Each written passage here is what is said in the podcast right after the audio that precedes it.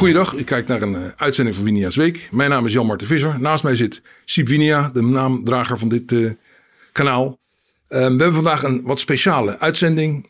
Siep Winia is namelijk naam, behalve een uh, bekend en actief journalist ook nog een uitgever. Hij is mede-eigenaar van uitgeverij Blauwburgwal. En ook die uitgeverij is ook een zeer productieve uitgeverij. U ziet hier de jaarproductie van het afgelopen jaar um, voor mij op tafel liggen. En om nou te voorkomen dat u mooie uitgaven mist of het overzicht verliest, leek het ons een goed idee om eens door enkele bekende titels heen te gaan uh, en u daar wat korte dingen over te vertellen. Siep, van harte welkom. Dankjewel. Um, een van de boeken die hier ligt is uh, Siep Vinia, 70 actieve herinneringen aan Graaf Gistland. Dat heb je geschreven recentelijk ter gelegenheid van je 70ste verjaardag. De meeste mensen uh, zijn dan wat vaker op de golfbaan te vinden. Maar het leek jou een goed idee om nog maar eens even een uitgeverij te beginnen. Hoe uh, kwam je daar zo bij? Ik heb, ik heb ook wel eens gegolfd, maar ben ik niet goed in. Uh, nou zeg niet goed genoeg om het leuk te vinden. Uh, en dus ik heb nooit het idee gehad dat ik dat de rest van mijn leven zou moeten gaan golven. En uh, ik had, wilde altijd al wel boeken uitgeven. en het leukste is om dingen zelf te doen natuurlijk. Dus ik ben mijn eigen blad begonnen. wat is het? Vier en een half jaar geleden. het is een digitale blad, wie niet mm -hmm. En, en met dit kanaal erbij en Annex Podcast. En uh, na een jaar er is er de mogelijkheid voor om ook een uitgeverij te beginnen samen met, uh, uh, met mensen die daar ervaring mee hadden. Dus het is, zijn we een samenwerkingsverband aangegaan, een vennootschap onder firma. En het is een beetje rustig begonnen. Is met, met, met mijn eerste boek, dus dat is, dat is dit boek, Tegen de Onzin. En dat kwam uit in de weken voor corona. Uh, dus dan praten we over het voorjaar van 2020. En dat was een, um, meteen een succes. Uh, in die zin dat als je uh, van een boek duizend in een week verkoopt. en dat week in, week uit. dan heb je toch wel voor een Hollands begrip een bestsellertje te pakken. corona heeft er een beetje heeft daar een stokje voor gestoken. Want alle boekenverkoop die, die stokte toen. Enfin, drie jaar later heb ik een, een nieuw boek gemaakt. Dat, heet, dat is dus inderdaad dit boek. Wat ik het liefst samenvat als actieve herinneringen. Uh, naar een bekende politicus, ja. zoals we allemaal weten. Uh, in zekere zin vormen, zeker met, als ik kijk naar de actualiteit van nu, vormen die twee boeken samen een soort, uh, een soort chroniek van de Rutte-jaren. Met name de latere Rutte-jaren, maar ook wel de eerdere. en dus dit boek, dat verscheen op 4 februari 2023, dat beslaat vooral de laatste drie jaar. Uh, en in samenhang uh, ik heb ik de pretentie dat dit, als je nou over vijf of tien of uh, vijftig jaar wilt weten wat er zich allemaal afspeelde in deze tijden, qua politieke cultuur, bestuurscultuur misschien, mm -hmm. dan kun je heel aardig terecht bij deze boeken. En dus ik verwacht dat dat ook op langere termijn nog wel een, een, een historische waarde zal bewijzen. Misschien. Ja, wat het is een kloek boek, dus uh, het is een moeilijke vraag. Maar wat is de teneur van in het laatste boek, de actieve herinnering aan de Gavel? Uh, dat is een kritische beschouwing uh, over hoezeer de politiek zich los kan zingen van zijn eigen achterban. En mijn verklaring, korte verklaring daarbij is dat Rutte in feite de politieke partijen en politieke belangen en zakelijke belangen aan het woord liet die, die niet representatief zijn voor Nederland als geheel. Dus plat gezegd, uh, Rutte is een partij die rechtse stemmers gebruikt voor linkse doelen. Als het ware. Dus, en, dat, en dat hebben we natuurlijk vooral bij zijn laatste kabinet kunnen zien. Dat hij ja, toch in feite het D66-programma uitvoerde. En in ruil daarvoor mocht hij premier blijven, ruwweg gesproken. Dus dat is de uitruil die misschien leuk is van Rutte, maar niet per se leuk voor Nederland. En ik verwacht ook dat als we verkiezingen krijgen later dit jaar, uh, dat we dan een ommekeer krijgen. In die zin dat er een, wel degelijk een, een, een tournure komt.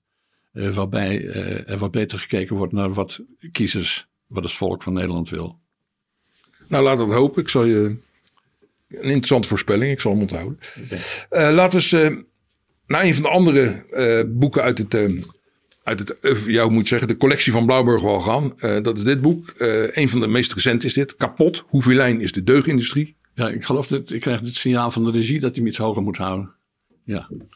Dat was Hij is van uh, professor Michiel de Vries. Bestuurskundig, ook al geïnterviewd op dit kanaal. Um, ja, de aanleiding is, is in zekere zin evident. Eh, Het, het, de, het ene integriteits, dan wel eh, seksueel grenzen overschrijdende, betreffende, eh, het, is, het is niet meer uit te spreken, eh, schandaal. Daarom, en daarom hebben we het ook de deugindustrie. Ja, de deugindustrie. Ja.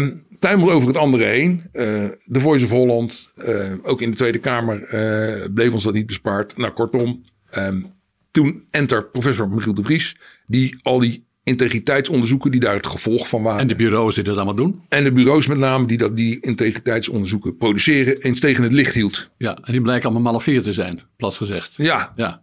ja En, en dat, is, dat is natuurlijk een, een, een, een, een verbijsterende onthulling. Dus eh we noemen, hebben noemen niet voor niks de, de deugindustrie. eh, omdat het bureaus zijn die de indruk wekken alsof ze zwaar gedegen onderzoek doen en dit of dat. Terwijl het overduidelijk is, eh, na lezing van dit boek, dat, hij, eh, eh, dat die bureaus gewoon ingeschakeld kunnen worden door werkgevers of opdrachtgevers die van hun personeel af willen. En op basis van anonieme klachten eh, kun je mensen nou kapot maken en ontslaan. Of niet per se in die volgorde. Dus dat boek dat is verschenen eind in juni. Of op, twee- op 2 juli, weet ik precies, maar daaromtrent. Dus begin van deze zomer. En dat heeft, heel veel kranten hebben daar al uitvoerig aandacht aan besteed. En ik verwacht dat het later ook het zal doordringen tot het Mediapark. Want daar is het, is het thema natuurlijk groter dan waar dan ook in Nederland. Ja, nou, laten we het hopen. Ja. het hopen. Want het is, eh, ja, het is inderdaad een chockerend boek. Mij staat het getal bij van eh 87 onderzoeken door hem onderzocht en vijf in orde bevonden. Dus dat is een, eh, een ja. chockerend getal. Zo is het. We zullen zien hoe het, eh, hoe het boek verder zijn uitwerking heeft. En van een hele andere orde en een hele andere zwaarte is dit boekje Ja. Deugen voor de Bühne van Sander van Dam. Eh, ja, ik zou hem wel een beetje een Twitter-fenomeen willen noemen. Ik denk dat dat is die ook. Eh Sander van Dam die heeft eh, sinds een paar jaar heeft hij eh, de, de inconsistentie, de hypocrisie kun je ook zeggen, van allerlei hoog, ho- van, het, van de, de, hoge morele standaard pratende twitteraars aangetoond. Dus laten we zeggen Gerrit Hiemstra, Sander Schimmelpenninck. Dus die mensen die allemaal de indruk wekken alsof ze allemaal het beste voor hebben met de wereld. En eh, bronnen van fatsoen zijn. Terwijl ze schelden en tieren dat het een aard heeft. Dus dat maakt hij, eh, dat maakt hij op een buitengewoon, ja, ook lachwekkende manier zichtbaar. Dat heeft hij de afgelopen jaren gedaan op, eh, op Twitter. En daardoor is hij een Twitter-fenomeen geworden. Er- is ook ontzettend veel, ontzettend veel aandacht geweest voor wie is die man en wat zit erachter. Mhm, En wordt ja. hij gesponsord? Is er wel iemand? Is die helemaal niet. Het is gewoon een, eh, een, een heldere eh, eh, hoe heet het?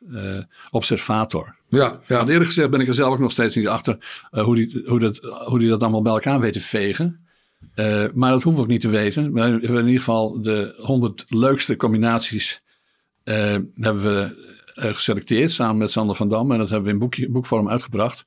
En ik begrijp van mensen dat dat een, een geweldig leuk cadeau is ook. Voor, vooral voor mensen die zelf eh, hoe je dat vinden dat ze heel fatsoenlijk zijn, maar dat niet Ja. altijd blijken te zijn.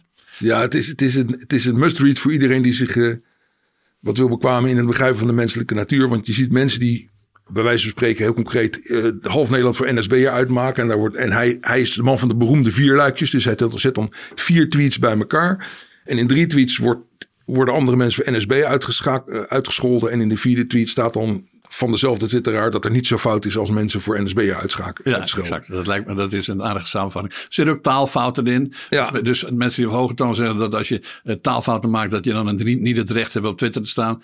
En bij de volgende tweet zitten ze zelf vol met taalfouten. Dus het is, in, in feite staat vooral eh, eh, dat deel van Nederland dat graag anderen de maat neemt, staat te kijken. Ja. En dat, eh, dat blijkt heel veel behoef- behoefte aan te zijn om dat te verspreiden onder de mensen. Ja, ja, nou het is, het is ja. Dus, dus mensen kopen het op Schiphol om- bijvoorbeeld om, eh, om daarvan te genieten als ze in het vliegtuig zitten. Ja. Dat soort dingen. Ja. En andere mensen leggen trouwens op het toilet. Ja, Weet ook. guilty. Dit is eh, typisch iets waar je even twee, drie, vier pagina's en dan worden er vaak tien Ja. kunt doornemen en je dan niet geen zorgen hoeft te maken over het bredere verband. Het is gewoon heel leuk, leuk om te lezen. Zo is dat. En dan nu alweer van een heel andere aard.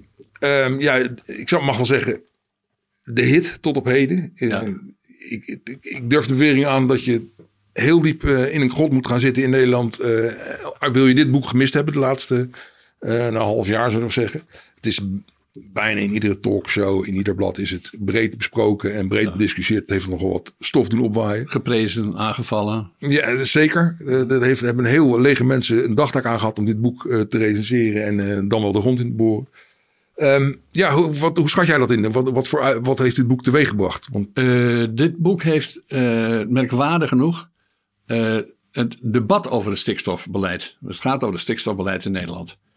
Uh, dus het gaat niet per se over een, of er wel of niet een stikstof. Ja, gaat het ook over een stikstofprobleem. Maar het gaat over waarom doen wij dingen die andere landen niet doen, bijvoorbeeld. Waarom hebben wij een stikstofminister? Waarom hebben wij een stikstofprobleem? Nou, dus de auteur, Arnold Jaspers, is dat uitvoerig wezen onderzoeken.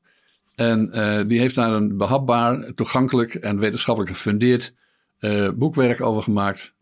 en nogmaals, dit werd door, Ruud, uh, door uh, Mark, wil ik zeggen, door, door Mark Rutte beschouwd als het grootste politieke probleem in zijn, in zijn politieke premiersbestaan. maar geen enkele uitgever had nog een boek uitgebracht waarin dat dan werd beschreven. Er bestaan wel, bestaat wel een enkel boek over het stikstofbeleid, maar dat is altijd van betrokkenen, belanghebbenden. Dus van de ecologen die het zelf hebben uitgevonden, zal ik maar zeggen. En uh, dus we hebben dit, uh, nou blijkt, in het, het, gat in de markt uh, gevonden. Want het is, nou wij op dit moment spreken, waarschijnlijk het best verkochte boek van Nederland dit jaar tot dusver. En heeft ook wekenlang nummer 1 gestaan op de, de hitparade. Deels natuurlijk dankzij al die mensen die dat heel fanatiek en agressief hebben aangevallen. Ja. Dus dit ben ik, dat geldt trouwens ook voor het boekje over deugen voor de bühne. Ook sommige mensen aangevallen. Het succes van uitgever Blauwbevel bestaat voor een deel dankzij de tegenstanders. En dat geldt niet alleen voor uitgeverij Blauw, maar Maar uh, ja. Nee, dat is inderdaad een, eh, een, een verhelderend boekje. Het werd tot in de Tweede Kamer geciteerd. Dus voor iedereen die daar wat meer van wil weten, de stikstofproblematiek is de narader.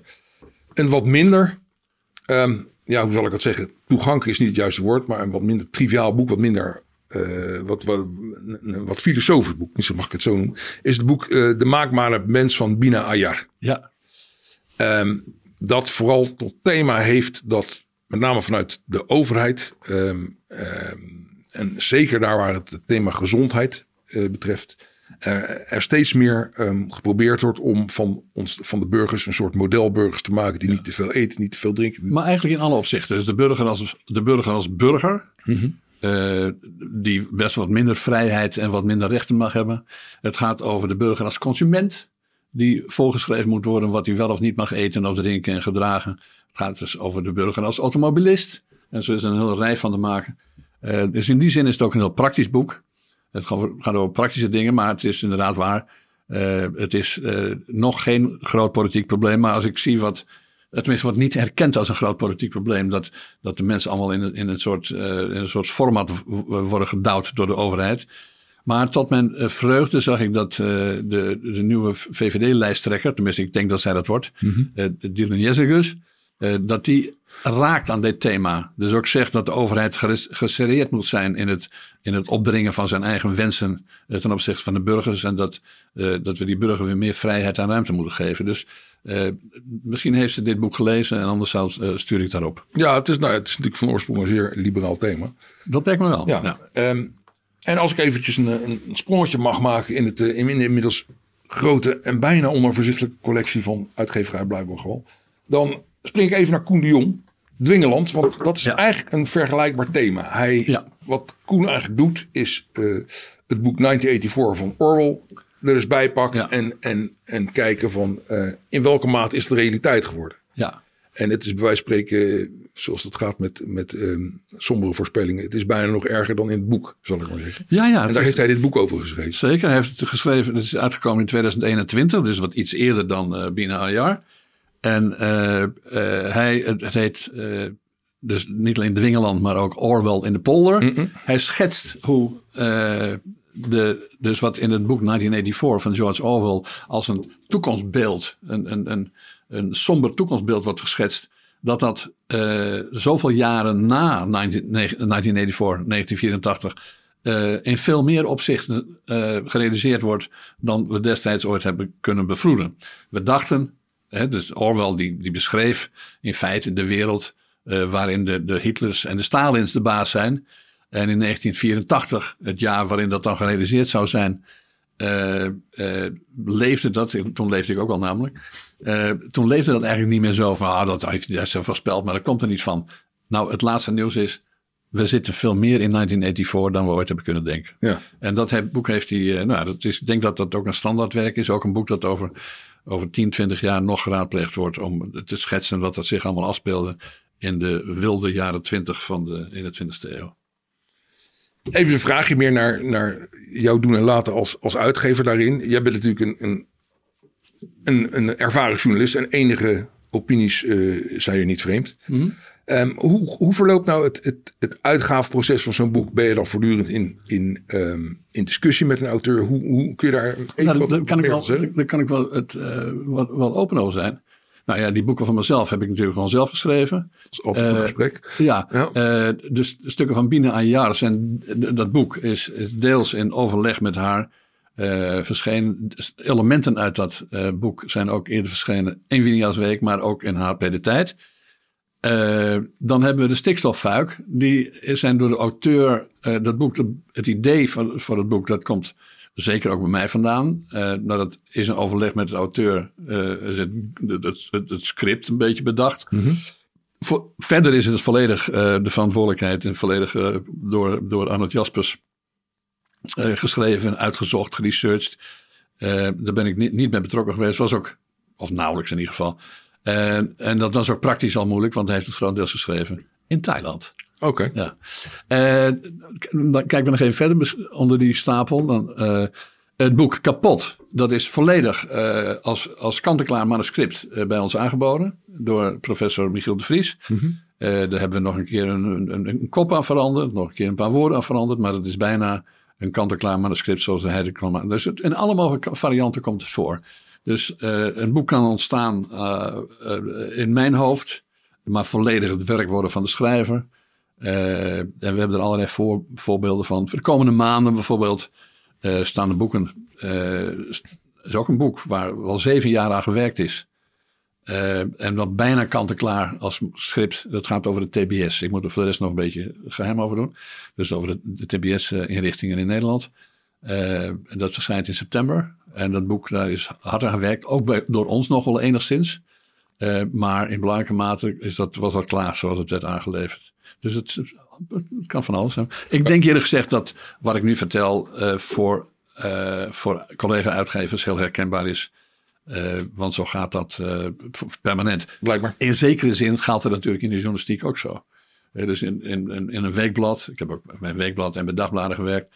Sommige stukken, daar komt een auteur mee aanzetten. Sommige krijgt hij de opdracht voor. Eh, er zijn allerlei varianten eh, waarbij, eh, het? Waarbij het tot standkoming kan variëren. En wat wel een overeenkomst is, denk ik, in de boeken die we hebben, is dat ik bij voorkeur, en dat geldt ook voor Winias Week, dat ik bij voorkeur geen boeken publiceer die vanzelfsprekend al gepubliceerd zouden zijn. Ik vind, vind het fijn om to- van toegevoegde waarde te zijn, zowel als Winias Week als als uitgever de Blauwburgval. Ik denk dat er heel veel eh, niet opgemerkt wordt eh, in het Mediapark, bij, in, bij de redacties van dagbladen, eh, bij sommige boekenuitgeverijen ook. Dus we hebben nooit een probleem, kan ik je garanderen, de- bij- het uitgeven van nieuwe boeken. Die, en dat gaat inmiddels jaren vooruit in ons denken. En daar zitten heel veel boeken bij die ook anderen bedacht hadden kunnen hebben. Maar aangezien dat zij dat nalaten, is er voor ons veel, nog veel werk te doen. Nou, blijkbaar ben je er ook wel goed in om, om auteurs aan je te binden. Want we hadden het net over, dat ik er gelijk maar even pakken.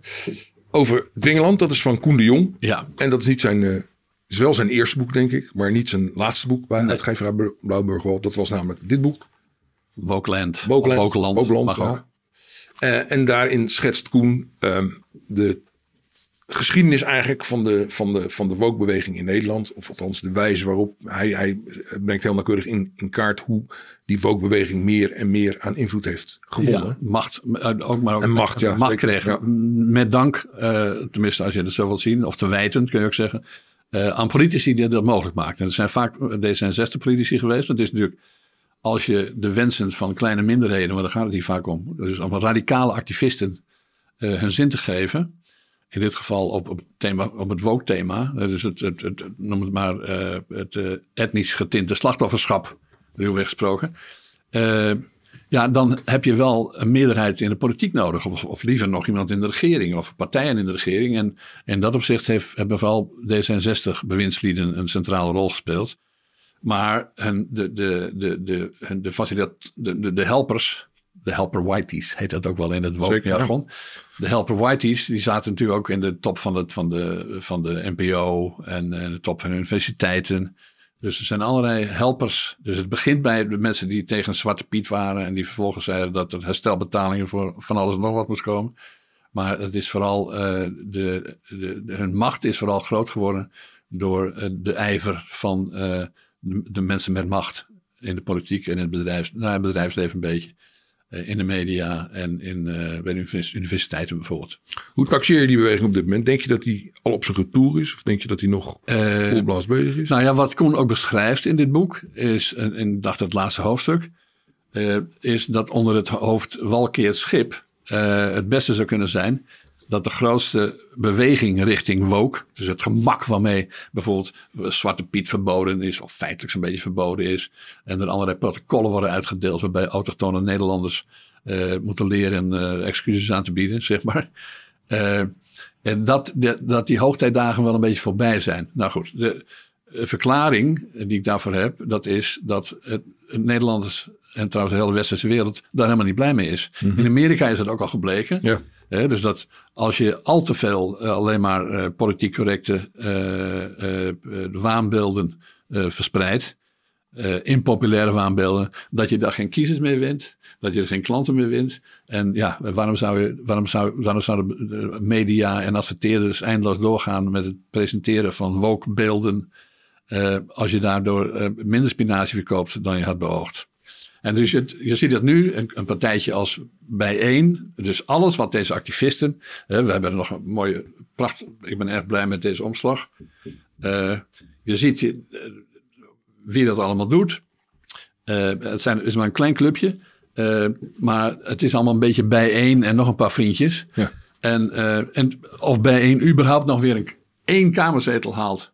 Uh, bij de verkiezingen in november is zeer twijfelachtig. En waarom zou je een partij die nauwelijks of geen uh, kamerzetel haalt, een, een vrijbrief geven voor het doorvoeren van beleid in de rest van Nederland? Ja. Uh, dus je, haalt er geen, je haalt er geen kiezers meer binnen met welk beleid. je haalt er geen kijkers meer binnen, ook geen radioluisteraars. Een fijn voorbeeld is NPO 3, dus de popzender. Die heeft het beleid helemaal omgegooid. Uh, die, hadden, uh, die gingen ook helemaal mee met al, alles moest uh, zwarte muziek zijn. En slachtoffermuziek, zal ik maar zeggen. En anders was het niet hip. maar wat ze vergaten is dat NPO 3 vooral populair was buiten de Bijlmer, zal ik maar zeggen. En niet in de Bijlmer. En, en nou, dus in BBB-land zou je eventueel kunnen zeggen. En dat mensen luisterden dan niet meer. Dus ze hebben het beleid totaal omgegooid. Dus dat breng ik onder, onder het hoofd walkeert schip. Als je geen klanten hebt, geen consumenten, en geen kiezers, uh, uh, dan uh, wordt Woken niet groter mee. Nou, ik hoop wel dat ze de zwarte muziek behouden. Maar het is, Koen... Ja, maar niet, maar, maar, maar niet omdat het zwart is. Nee, dat snap ik. Koen de Jong, het is overigens een prettige auteur. In die zin ik denk niet dat dit een of ander hak en breek werk is ten aanzien van de wookbeweging. prettig van zijn thuis dat hij behoorlijk beschrijvend is. Hij heeft wel een oordeel. Maar dat kun je behoorlijk goed scheiden van het feitelijke relaas dat hij doet. En het merendeel van dit boek is het feitelijke relaas. Dus het is gewoon interessant om te zien hoe deze. Dat geldt natuurlijk in zekere zin van meer van de boeken. Dat we gewoon in feite onze. de, de, de, de, de geschiedenis van het heden beschrijven. Ja. Dus wat, de geschiedenis die zich ontwikkelt onder je, onder je handen. En dat, dat, is een zekere overeenkomst tussen uh, deze boeken.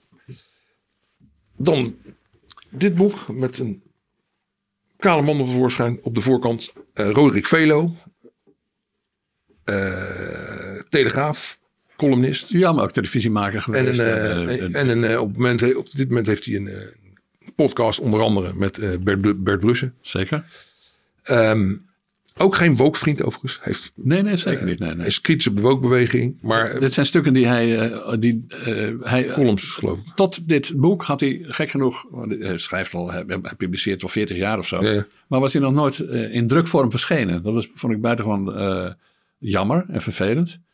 dit zijn stukken die hij met name ook in de Telegraaf heeft geschreven. Maar dan ja. als digitaal auteur. Dus ook daar verscheen hij niet in de papieren krant. En ook voor hem geldt dat hij uh, de geschiedenis van het heden beschrijft, kun je zeggen. En met als centrale lijn dat de hypocrisie regeert, oftewel de schijn regeert. Ja. Hij vertelt hoe, en dat is natuurlijk ook weer heel interessant bij de verkiezingen waarvoor, waarvoor we weer staan, en, de- en, en, de, en, en de, de, de, de beeldvorming en het, eh, de- het, het, het arrangeren van de werkelijkheid eh, rond de verkiezingen en de val van het kabinet en het, het einde van Mark Rutte. Eh, je weet nooit eh, wat waar is wat je ziet, zou ik maar zeggen. Dus dat boek heet De Schijn Regeren. Ja. En hij brengt de, ja, de hypocrisie en de schijn eh, in kaart. Ja, ja en, en hoewel die duidelijk van rechtse signatuur is, is hij ook niet te beroerd om eh rechtse huisjes, heilige huisjes eh omver te Nou ja, hij, komt er, en hij, komt er, eh, eh, eh, hij is eigenlijk meer teleurgesteld links, zou ik dan Ja. zeggen, dan rechts. ja, Eh, Richard links. En ja. eh, dat is natuurlijk een heel groot deel van Nederland, is teleurgesteld links. Eh, menige voormalige PvdA-stemmer eh, is teleurgesteld over links, eh, zonder zich per se rechts te voelen. Ja. Eh, dus ik denk, hij heeft lang bij de VARA gewerkt. Ik denk niet dat Roderick als rechts, typisch als rechts... te Nee, zeker geen rechts, ongenuanceerd- zeker geen het zo Nee, Dat viel me er overigens wel, want dit is dus een Telegraaf-auteur met stukjes die, nou in, ik geloof dan in dit, dit verband, in, de, in dit geval in de online Telegraaf zijn verschenen. Klopt, klopt, klopt. Wierduk ook. Dus ik Ja. zou verwachten, daar hangt, al een, daar hangt al een wolk van uitgevers, van hongerige uitgevers om die Telegraaf-auteurs heen die dat allemaal al uitgeeft. Maar blijkbaar was dit nog eh, braakliggend terrein. En, eh, Eh, ja, nou ja, ik, ik, ik, ik loop nog niet achter iedere telegraaf-auteur aan natuurlijk. nee. Maar nou ja, zij waren blij en ik was blij dat ze deze boeken bij uitgever in Blauwbeval willen uitgeven. Oké, Ja. ja. ik kan me voorstellen. Nou, laten we dan even naar de andere Telegraaf-auteur gaan. Is die meer dan dat. Wierduk in Nederland. Eh, dit zijn volgens mij zijn. eh, ja, dit is de, de, de, de, de bedoeling van dit boek volgens mij is ehm, om mensen en groepen aan het woord te laten die eh, buiten de scope vallen van de, eh, wat er op de mainstream media, om het woord Ja. te gebruiken, normaal gesproken te zien is. Dus de ongehoorde meer, minder of meerderheid. Ja, ja. Wil hij hier aan het, aan het, eh, aan het woord laten? ja, hij is dus vijf jaar lang, of daaromtrent, is hij eh, door Nederland gereisd. Juist om het ongehoorde Nederland. Er is zelfs een omroep die zo heet, maar dat heeft verder geen enkel verband. Ja, ik probeer die term te vermijden. Maar Nou, Oké, dat maar ik, ja. ik loop er maar niet om, om het probleem heen. Het textuele probleem heen. Maar dus, eh, uh, daar maakt hij reportages over of interviews. Eh, sommige mensen vinden dat zijn reportages. Maar, maar hoe cares? Wij als lezers eh, zijn niet geïnteresseerd in de, in de definitie van wat het is. zijn we geïnteresseerd in wat, wat, wie die aan het woord laat en of het de moeite waard is. Mhm. En dat kan dus van alles zijn.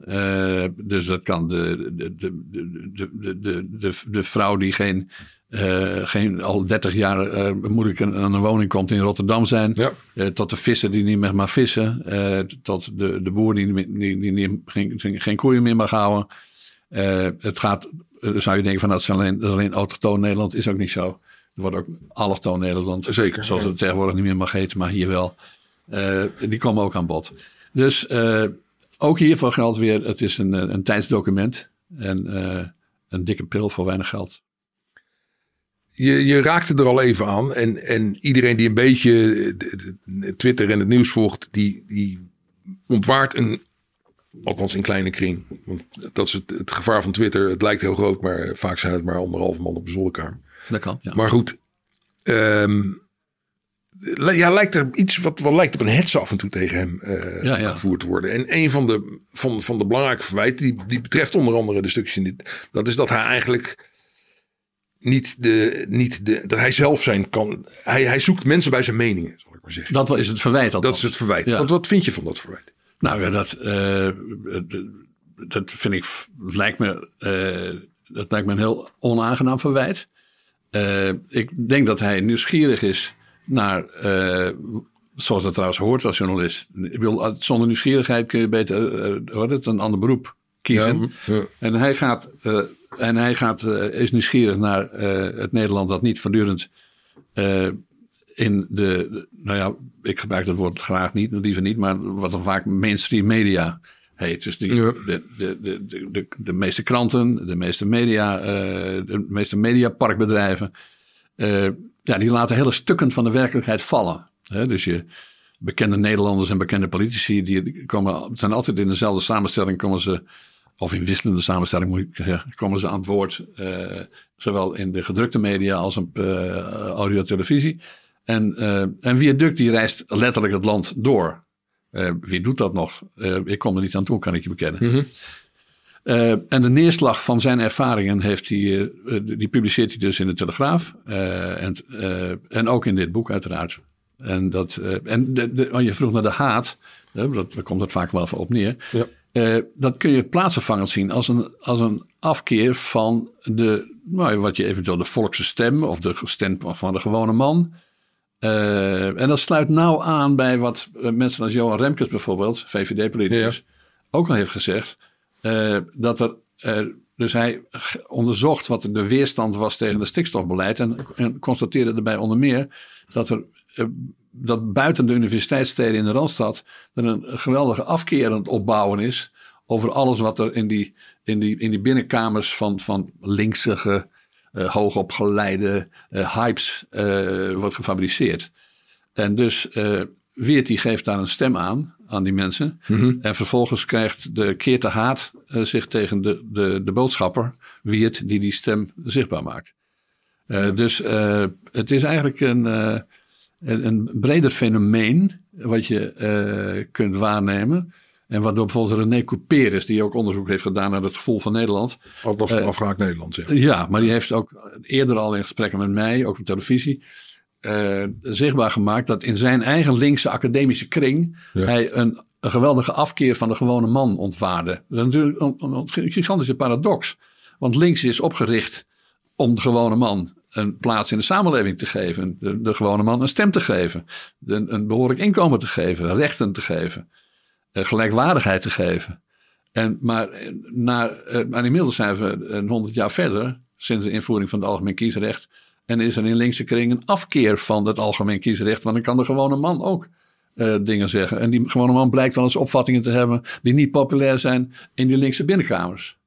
Nou, daar zit een geweldige spanning in. En die spanning die, die reageert zich dan af op, uh, op Mark Rutte. Op de, uh, sorry, Mark Rutte. Op, Viaduct. op Viaduct. De messenger. De, de, de boodschapper van het ongewenste, Ja, ja, ja. Van het ongewenste nieuws. Ja, nou, ik denk dat een, het is niet alleen maar, althans zo taxeer ik, dat, dat de gewone man uh, object zou zijn voor linkse, linkse highflyers, zal ik maar zeggen. Maar kijk, dat is in het algemeen het nadeel of het risico van deze methode van journalistiek bedrijf. Als je pretendeert dat je de, niet gehoorde uh, meerderheid aan het woord laat, moet je wel zorgen dat je die meerderheid goed uh, aselectief kiest. Dus dat alle, alle kanten aan het.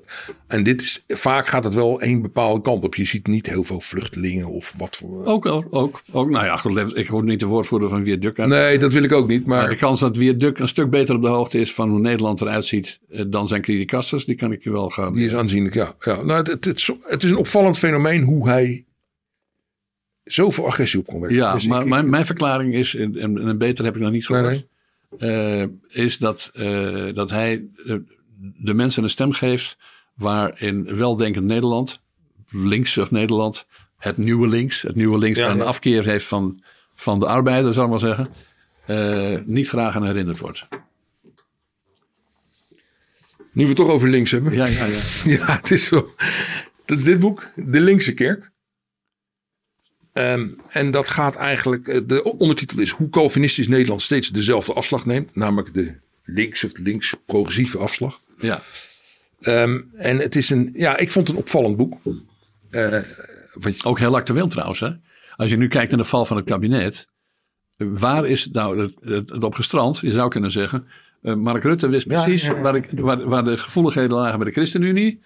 En toen heeft hij, eh, die, die heeft hij weten te traceren. Met als gevolg dat hij op basis daarvan eh, ook kon zeggen dat het kabinet niet verder kon. En wie trof hij er bij de ChristenUnie? Een mevrouw, mevrouw Mir- Mirjam Bikkers. Ja. Ja, zeg het goed hè? Ze is nog een beetje vers. Ik Ja. geloof niet dat ik haar naam Bikker is het. Bikker, oké. ja, die bijna modelstaat zou je kunnen zeggen voor hoe, de, hoe eh, Calvinisten, gereformeerden eh, de afgelopen 60 jaar systematisch links afslaan. En het is juist dan interessant dat zij van de ChristenUnie is. Want de ChristenUnie is, is een combinatie van de RPF eh, en van het GPV. GPV was een, een, een- wat oudere politieke beweging van gereformeerde snit, vrijgemaakt gereformeerden. En de RPF is nog iets duidelijker. Die, waren, die zijn in de jaren 70, 80 daaromtrent ontstaan in afkeer van de verlinksing van de gereformeerde politiek en de gereformeerde kerk. Dus zelfs als je weerstand hebt tegen die voortdurende linkse afslag in de gereformeerd Calvinistische wereld, dan kan het zijn dat je in de afgelopen tijd zelf ook weer die afslag neemt. Ja, ja je wordt, je, het graviteert allemaal naar links, zou je zeggen. Ja, ja, maar dat heeft dus, uh, en daarom hebben we het boek gemaakt. Dat hebben we ook weer gemaakt omdat het boek niet bestaat. Terwijl het zo ontzettend belangrijk en ook interessant is. Uh, dus het gaat natuurlijk over een beweging, uh, ruwweg gesproken, waarvan je kunt zeggen dat, dat het, het je wordt bijna met het, gelijk, het eigen gelijk, wat je bijna met een paplepel ingegoten. Niet in de laatste plaats vanwege de suggestie van een exclusieve relatie met boven. Dus jij hebt gelijk, want je hebt de beste, beste bedoelingen, want uh, de beste relatie met God. Ja. Uh, en het is natuurlijk buitengewoon pijnlijk als, dan, als, als er iemand, zoals wij, aantonen dat dat gelijk in de loop van de tijden wel eens verandert. En dus ik, de agressie die je ontmoet, als je een wisselend gelijk in de wereld van gelijken aantreft, ja, dat is, uh, dat is pijnlijk. Uh, interessant ook trouwens. Als je kijkt wat er in Dagblad Trouw aan, aan, aan agressie tegen dit boek is ontstaan. Dat, die agressie was bijna nog groter dan de agressie die in het NRC Handelsblad en de Volkskrant ontstond tegen het boek De Stikstoffuik. Dus we staan ze nu en dan op tenen en dan gaan we lekker mee door, dacht ik. En uh, ik ben benieuwd, wat was het springende punt? Wat, wat, is, wat, waar, wat, wat, wat triggert mensen dan? Uh, het betrapt worden op inconsistenties. Ja, ja. dus dat is ook weer een lijn die een beetje in deze boeken terug te vinden is. De, de, we, we, we, we, trappen ze op uh, hypocrisie, op schijnheiligheid. En, en dat is als je, uh, als je de waarheid in pacht hebt, wat in Calvinistische kring in ruimere zin natuurlijk, post-Calvinistische kring geen, heel gebruikelijk is.